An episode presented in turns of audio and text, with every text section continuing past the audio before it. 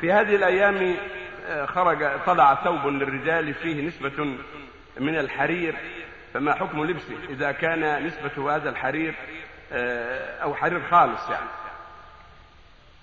ثبت عن النبي صلى الله عليه وسلم أنه قال أحل الذهب والحرير لإناث أمتي وحرم على ذكورهم. فالحرير محرم على الرجال مباح للنساء إلا موضع أصبعين أو ثلاث أو أربع كما قاله النبي صلى الله عليه وسلم. النبي صلى الله عليه وسلم لا تلبسوا الحرير يخاطب الرجال إلا موضع أصبعين موضع إصبعين أو ثلاث أو أربعة كما رواه عمر رضي الله عنه كما جاء في الصحيح.